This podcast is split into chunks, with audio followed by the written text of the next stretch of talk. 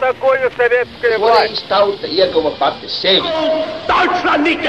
Liktenīgas nejaušības un slēptas likumsakarības, subjektīvas patiesības un objektīvi aizspriedumi. Pēc atkušņa nekad nenāk uzreiz pavasars, bet sākās Arī šodien cilvēki ir ļoti tūredzīgi. Viņi redz to naudu, kas ir. Televīzijā jau pamatā notiek cīņa par varu. Pagātne no šodienas skatu punkta un šodienas caur pagātnes prizmu. Raidījumā šīs dienas acīm. Latvijas radio eterā Eduards Liniņš. Labdien, cienījamie klausītāji! Latvija un Šveice. Šodien tās mums šķiet viena otrai tālas zemes, ilgu laiku bijušas gluži kā divās pasaulēs ar dzelzceļa priekškaru šķirtes. Varbūt šodien diezgan paradoxāls daudziem varētu šķist fakts, ka formulējums brīva, suverēna, neatkarīga Latvija pirmo reizi ir izskanējis tieši Šveicē. Manas sarunbiedras šodien - literatūra vēsturniece Gundega Grīnuma un politoloģe Vita Matīs. Labdien! Labdien! Sākot mūsu sarunu, kā tas nākas, ka pirmo reizi par brīvu Latviju sāk runāt tieši Šveicē. Nu, kā mēs visi zinām, Rainis un Aspāzija nonāca Šveicē 1906. gada sākumā kā bēgļi, kā revolucionāri. Viņi, protams, nebija vienīgie. Kopā ar viņiem no Latvijas eh, bēga daudzi 5. gada revolucionāri. Tā nebūtu nebija Raina pirmā reize Šveicē. Viņš jau tur bija bijis vairākus gadus pirms tam, jo viņš apmeklēja sociālistiskās kustības internacionāli. Un vispārīgi Šveice bija tāda, varētu teikt, sociālās kustības centrs. Un no šī aspekta ir ļoti interesanti, ka Rains vienmēr asociēja Šveici ar šo Latvijas brīvības centienu, ar Latvijas nacionālo centienu un Latvijas sociālo centienu, jo neaizmirsīsim, tajos laikos latviešu sociālisms un nacionālisms Latviešu gadījumā. Latviešu gadījumā tieši bija ļoti, ļoti cieši saistīti. Rains tā savos memoāros vēlāk rakstīja, ka viņam vienmēr Šveice saistījās ar kaut ko jaunu, ar kaut ko pozitīvu, ar šo demokrātijas vēstījumu Latvijas tautāji. Un ņemot vērā, kad Rains un Aspāzija iebrauc Šveicē pirmo reizi tieši agrā rītā, viņš arī raksta savos memoāros, ka ir agrs rīts, kad iebraucam Šveicē, kad uz Šveici padomāju, man vienmēr acu priekšā tēlojas agrs rīts. Es nezinu, ar ko izskaidrot šo savādo idiosinkrāziju, vai ar to, ka pirmie stiprākie iespaidi no Eiropas vēl pirms jaunās strāvas laika, kad es tikai vēl gaidīju jaunu garīgu rītu no Eiropas, ka šie pirmā rīta iespaidi nāca no Šveices. Es gribētu varbūt tādu mazu precizējumu. Tomēr būtu par šo Latvijas patstāvības domu jārunā jau nedaudz agrāk, sākot jau no 19. un 20. gadsimta ar Latviešu sociāldemokrātu savienības līdzdalību. Pirmoreiz tēze par to ārā no Krievijas un latviešiem būtu jātiek pie patstāvības. Tā jau faktiski izskanēja agrāk, un interesanti, ka arī Šveicē 1903. gadā laikrakstā strādnieks Šveicē Miķeļa Valtera raksts, kur šī tēze ļoti spēcīgi izskanēja, bet katrā ziņā tā nebija toreiz sociāldemokrāta tēze. Par to varbūt arī ir vērts mazliet parunāt sīkāk, cik tālu tā Šveices latviešu sabiedrība, kāda tur veidojās 20. gadsimta sākumā, nebija viendabīgi sociāli demokrātiska. Tas jau būtu pārāk skaisti, ja mēs visi latvieši tik ļoti harmoniski ilgtermiņā varētu sadzīvot kopā, un, kā mēs jau zinām, bieži saka tā, tur, kur divi latvieši jau veidojās trīs partijas. Un, diemžēl, mēs redzam arī šādu konkrētu ainavu Šveicē posmā, par ko mēs šobrīd runājam, jo pilnīgi taisnība ir Grīnums kundze, ka šī ideja kā tāda pirmo reizi par Latvijas neatkarību izveidojās jau 1903. gadā Miķela Bārta. Varētu teikt, vēl, agrāk, vēl gadus vēl agrāk, jā, jā, bet kad mēs esam vienprāt par vienu lietu, ja, ka tas viss notika Šveicē. Un šeit ir tomēr jākonstatē, ka pirmā darbība, nevis pirmā ideja, ja, bet pirmā darbība, lai palīdzētu realizēt šo neatkarības ideju, tomēr notikās ap 1915. gadu Šveicē, tad, kad Šveicē tika izveidot Latviešu komiteja, kur priekšsēdētājs bija Rainis. Pēc jau pusotra gada darbības eh, Rainim bija diemžēl jākonstatē, ka šis mēģinājums izveidot tādu mazu Latvijas parlamentu Šveicē bija neveiksmīgs eksperiments tieši tam dēļ, ka nevarēja sadarboties dažādas politiskās pārliecības. Proti, nevarēja sadarboties sociāldemokrātiskais spārns, ko vispilgtāk pārstāvēja tā laika arī Šveices iedzīvotājs Feliks Cielēns, vēlāk eh, Latvijas ārlietu ministrs Roters un buržuā vai birgelisko spārnu pārstāva Anna Ķēniņa. Un viņu rīvēšanās faktiski ir iemesls, kāpēc arī sabruk šis pirmais demokrātijas mēģinājums Šveicē, par ko starp citu ļoti brīnījās vietējie šveicieši, jo vietējie šveicieši ļoti, ļoti jauki sadarbojās Latvijas neatkarības un autonomijas idejas vārdā un brīnījās, kāpēc latviešiem tas, ko šveicieši var darīt latviešu labā, kāpēc latviešiem tas kaut kā neizdodas. Ja? Un šeit eh, man šķiet, ka Austa Krauza Ozoliņa, kas bija šīs komitejas, viņi arī pēc pusotra gada darbības konstatēja, ka šī latviešu nespēja sadarboties ir ļoti nožēlojumi, un viņi izsaka tādu teikumu, ka šveicieši dažādo partiju cilvēku var apvienoties latviešu tautas pašnolemšanas prasību vārdā, mēs latvieši paši. Nē. Tas ir tāds skumjš akcents, bet runājot par tiem iemesliem, tā bija sociāldemokrātu turēšanās pie autonomijas idejas, pie brīvas Latvijas, brīvā Krievijā. Tā bija pilsonisko spēku kaut kāda orientācija. Es gribētu vēlreiz mazliet atgriezties divus soļus iepriekš pie 1914. gada septembra situācijas, kad Eiropas kara momentā arī Rainis nu, jāsaka, nokāpdams no savu ziloņu kautorņa, kurā viņš ļoti labi jutās savā atstatajā Kastaņolā, devās uz Cīrihi, lai tad tiktos ar latviešu emigrantu sabiedrību pēc ilgāka laika. Un man liekas, ka fakts, ka šī sanāksmē piedalījās 24 Šveicē mītošas latviešu sociāldemokrātu grupas un emigrantu grupas, kur sevi pat konkrētāk neidentificēja.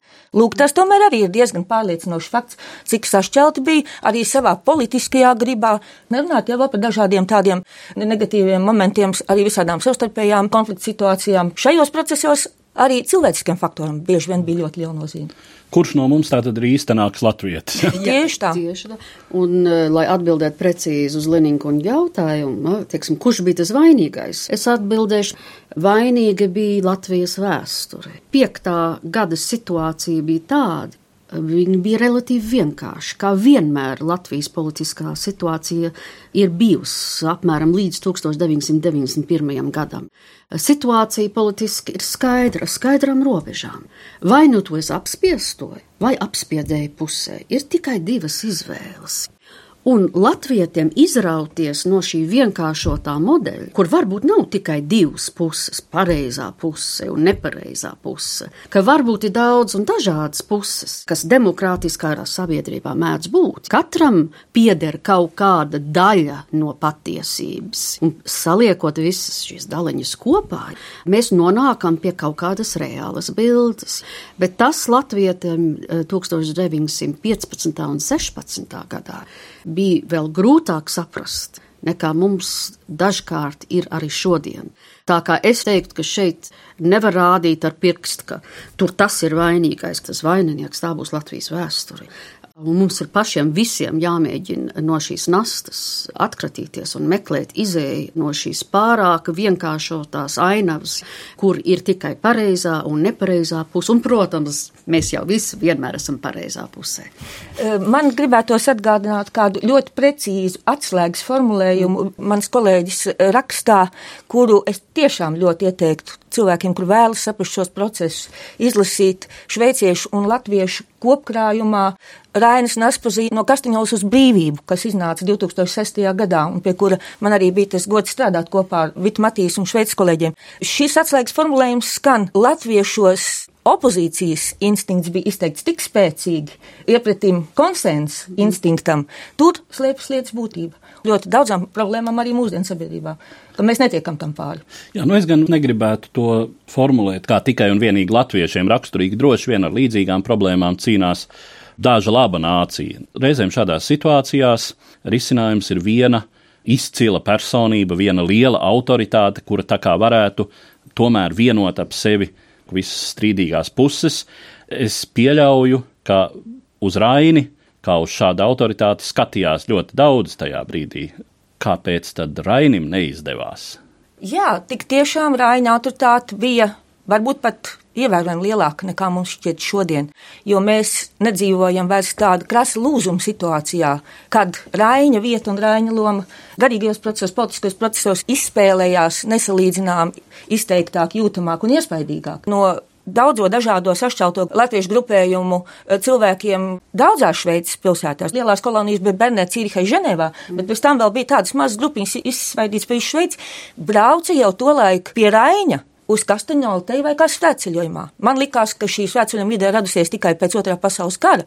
Nē, tieši Austra Krauza Ozoliņa uzsver, ko nozīmē cilvēkiem šis kontakts ar Raini. Šis Raina Latvijas nākotnes redzējums un idejiskais līmenis un tas uzstādījums, tas augstais ideālu uzstādījums. Un katrā ziņā ļoti liela ietekme Rainim bijusi Feliks Cilēns laikā, kad tapa 15. gadā politiskās autonomijas uzmetums, kura autors skaitās Feliks Cilēns, ja paseko, cik lielā mērā tas ir tapis sadarbībā ar Rainu, ņemot vērā Raina viedokli, tad jāsaka, ka Cilēna ambiciozitāti un varbūt tādu vēl sāsinātāk nespēja pieņemt atšķirīgu viedokli, Rainas tomēr bremzēja arī citos procesos varbūt vēl nav precīzi izsverot viņa loma un ietekme. Kaut gan es teiktu tā, pats galvenais ir un paliek tas, ka Rainis atraisīja latviešu nācijas garīgo enerģiju. Tas bija fenomenāli. Kaut vai tas pats Daugavas gadījums. Tas nav tikai mīts, zinām mērā mīts, un tomēr ne tikai mīts, kā Daugavas nokļūšana īstajā brīdī Latvijā tieši iedekumos Bermonta cīņu laikā, domāju, nav pārspīlējums, ja to nodēvē par latviešu evaņģēliju. Un vajadzēja dzirdēt, kā dziedāja Mārtiņa Brauna kompozīciju. Tikko izskanējušos latviešu dziesmu svētkos, tie ir buramvārdi. Mm -hmm. Līdz šai dienai grūti izskaidrojam, pilnīgi atšķirīgā politiskā situācijā. Šis Daugaus teksts, kas, starp citu, tapa jau sākot no 1916. gada, Tātad laikā, kad brīvās Latvijas valstiskuma ideja vēl bija ļoti, ļoti tāda amorfa un daudziem vispār pat uh, apziņā neaptveram, šie vārdi zeme tā ir valsts izskanēja tur un toreiz un nokļuva Latvijā īstajā brīdī.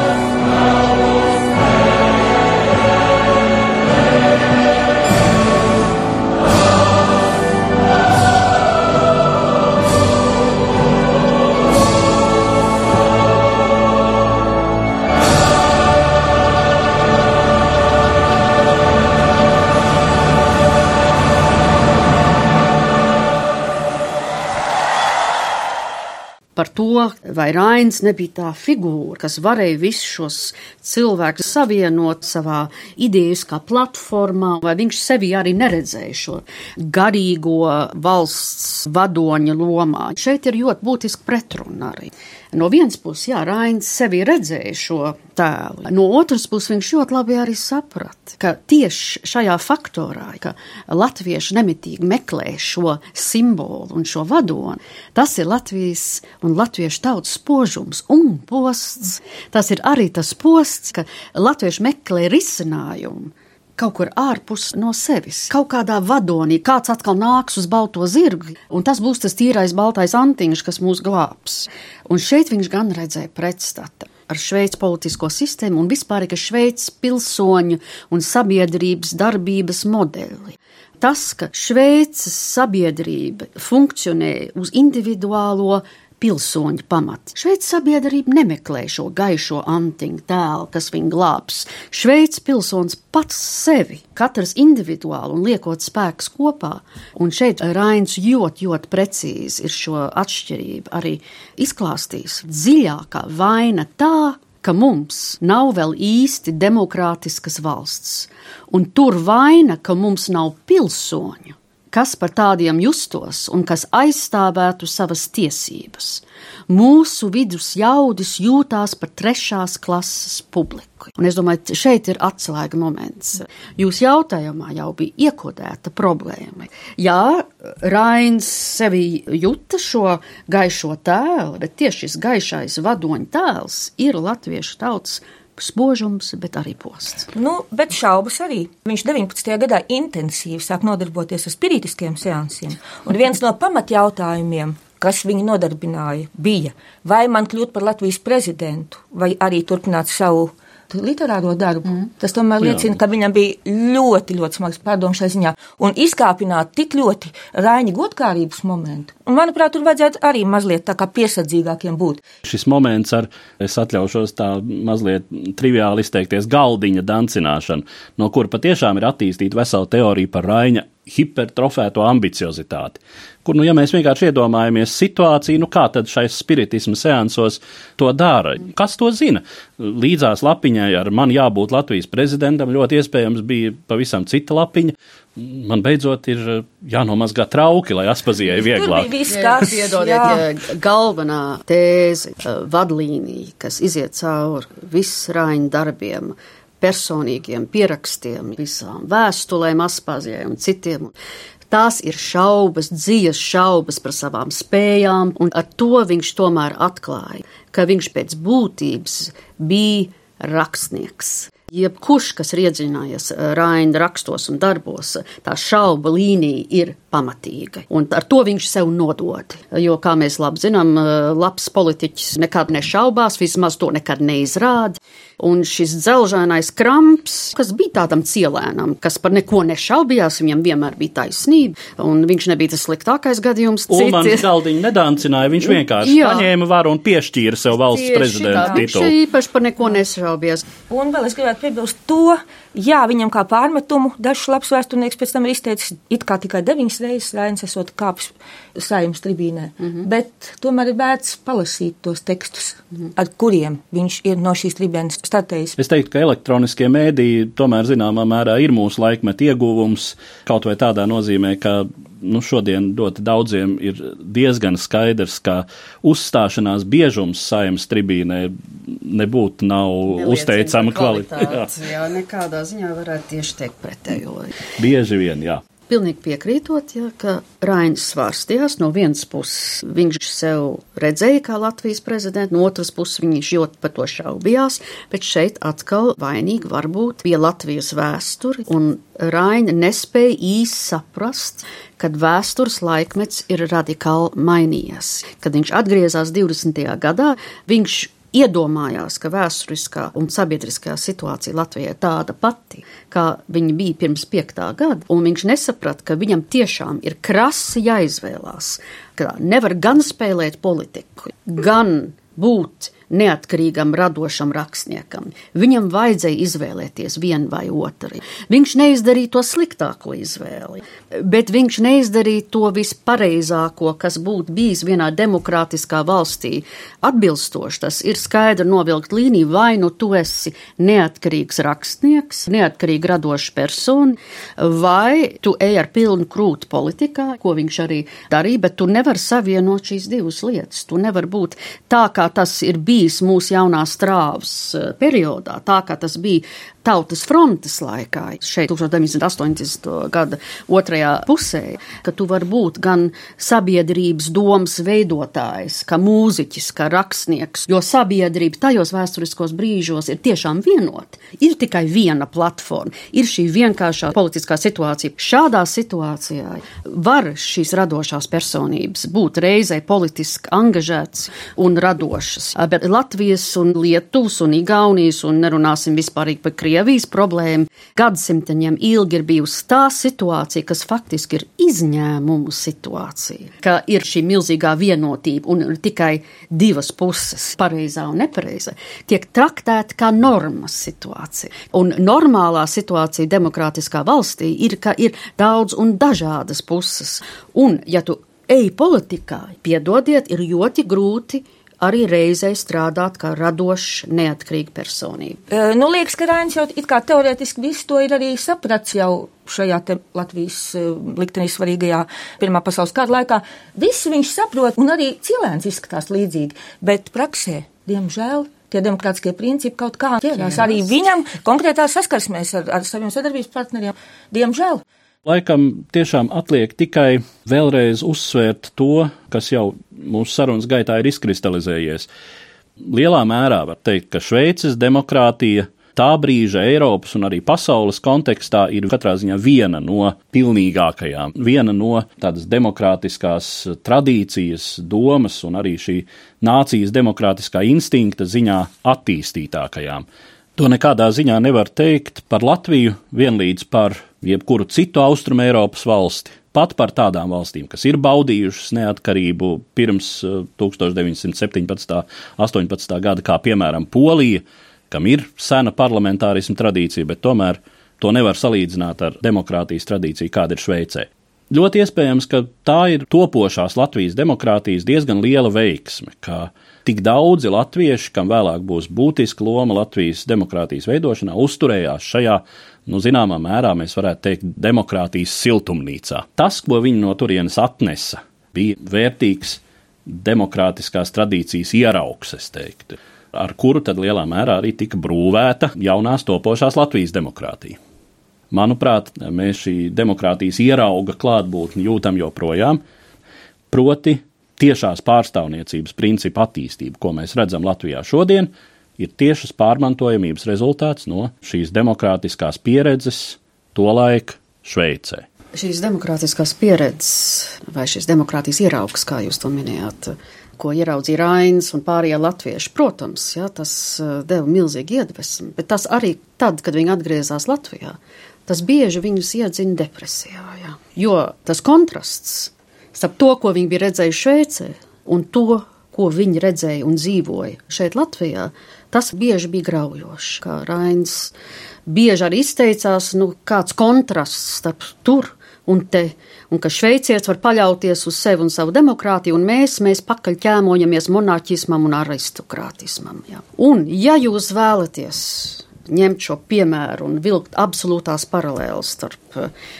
referendumu šeit Latvijā un Šveices valsts referendumu sistēma ir tomēr viena ļoti būtiska atšķirība.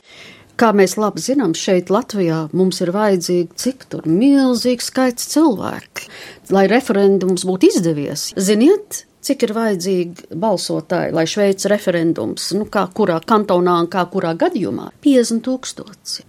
Un šeit, redziet, es uzskatu, ka faktiski tiesa. Tā laika mūsu pirmie Latvijas valsts vīri, jo daudz skatījās Šveices virzienā, tad, kad viņi rakstīja satversmu un tad, kad viņi uzbūvēja pirmās Latvijas valsts institūcijas. Bet lekt no vienas sistēmas, kas bija cara impērijas absolūtā autokrātijas sistēma, tūlīt otrajā galējā, viņam bija mazliet bail. Tā kā viņi iekodēja atkal šajā mūsu satversmē, viņi to mīkstina. Nedrīkst vilkt absolūtās paralēles, jo veiksmīgs referendums Šveices gadījumā tas ir daudz vienkāršāk nekā šeit Latvijā. Tā kā tas nozīmē, ka mums šeit Latvijā ir jāsaņemās vēl vairāk. Tas nozīmē, ka mums vēl ir jābūt aktīvākiem nekā Šveices pilsonim. Diemžēl.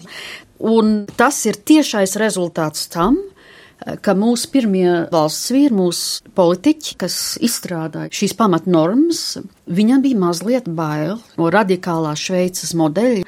Toties, ja mums būtu tāds modelis šodien, būtu interesanti redzēt, kur mēs būtu. Un vēl būtu interesanti redzēt mūsu pašus, neslīdzinām dziļāk ieauguši demokrātiskajā tradīcijā, jo arī tajos pašos Pirmā pasaules kara gados viena no Raina tēzēm bija personas attīstība mm -hmm. saistībā ar demokrātijas principu, jo viņš redzēja nepārprotami, kas draud Latvijai. Pats it kā runādams pretī savā darbībā, praktiskajā politiskajā mm -hmm. darbībā brīžiem, viņš skaidri redzēja, ka Jā. nolikt eh, vienlīdzības zīmi starp šveicieti ar daudzu gadsimtu demokrātijas tradīcijām, kas tiešām ir mācis pienu uzsūkts, un latvieti ar to vēstures zīmogu, kādu viņš sevī nes līdz pat šai dienai ir diezgan sarežģīts. Tur ir problēmas Jā. arī, es teiktu, sakne un būtība. Tas nav tikai modelis kā tāds, tā nav tā virsbūva, kura ir noteicošākā. Tas ir tas individuālais pilsonis, kas atšķirās Šveicē un Latvijai. Viens slavens gadījums, viņš salīdzināja Šveices vilcienus ar, ar Latvijas vilcienu. Nu, es domāju, jebkurš mūsu klausītājs šodien zina, kā tas izskatās Latvijas arī mūsdienu, ne tikai pagājušā gadsimta 20. gados. Rains nebeidz brīnīties nu, par skaistiem šveicis eh, vilcieniem, skaistais šveicis vagons, kurš ir plašs, gaišs podrs, kur visur izkārts glezns ar šveicis skaistiem skatiem un laikam viscaur krāsu fotografijas. Un tad viņš raksta tā, pie mums brīvajā Latvijā lieta, protams, nokārtota krieviskā, birokrātiskā stingrībā un noteiktībā. Gar mūsu vagona sienām gari neviena nelasīti brīdinājumi un soda piedraudējumi publikai, kura iedrošinās lietot kroņa mantu dzelzceļu. Nu, tas kaut kā izklausās stipri radniecīgi mūsdienu situācijai. Tā nav tikai virsbūva un sistēma, tā ir attieksme pret pilsoni, un tas ir pilsona attieksme pret varu. Ja? Un šeit ir, kā Gundega nu pat arī teica, tur ir lietas būtība un lietas sakne. Tas ir mentalitātes jautājums, kas tiešām nav maināms eh, vienā paudzē, varbūt pat nevienā gadsimtenī. Un vēl šī parlamenta populāra pieredze, ko Rainis redzēja jau no 1906. Mm. gada dzīvojot Kastaņolā. Mm. Šie cilvēki dzīvoja tajā tradīcijā. Tas bija pilnīgi pierasts, ka viņi jutās atbildīgi par to, kas notiek viņu ciemā, mm. viņu kantonā mm. un visā Šveicē kopā. Tas bija viņa acu priekšā beig beigās, dien dienā. Es gribētu teikt tā, laikam jau atliek tikai realistiski saprast to, ka tāpat kā ir diezgan grūti un dārgi būt un palikt latvietim, tā Latvijas apstākļos ir pietiekami grūti un dārgi arī būt demokrātam. Un nu, mums atliek tikai saņemties. Atliek tikai saņemties, un ja mēs šogad dzīvojam Latvijas valsts dzimšanas dienas gaidās, ir ļoti interesanti, un man šķiet, šeit gan būtu tēma vēsturniekiem un arhīvu speciālistiem. Tieši 18. novembrī 1918. gadā notika viens mistisks kongress vai sajēdz tieši Kastuņovā, kur dīvainā kārta, ja latvieši nebija spējīgi sadarboties 16. un 17. gadā, tieši šajā datumā Kastuņovā Raina un Aspāzijas klātbūtnē vienojās sociāldemokrāti, Latvijas brīvos sieviešu līga, kas skaitījās labā spārna pārstāvs, tur dažādas citas grupas. Tieši 18. novembrī 1918. gadā Kastoņolā, kamēr šeit Nacionālā teātra skatuvējā tiek proklamēta Latvijas neatkarība. Ar šo tad arī es noslēdzu šodienas sarunu un saku paldies literatūra vēsturniecei Gundegai Grīnumai un politoloģijai Vitai Matīsai. Paldies! Par pagātni sarunājas Eduards Liniņš.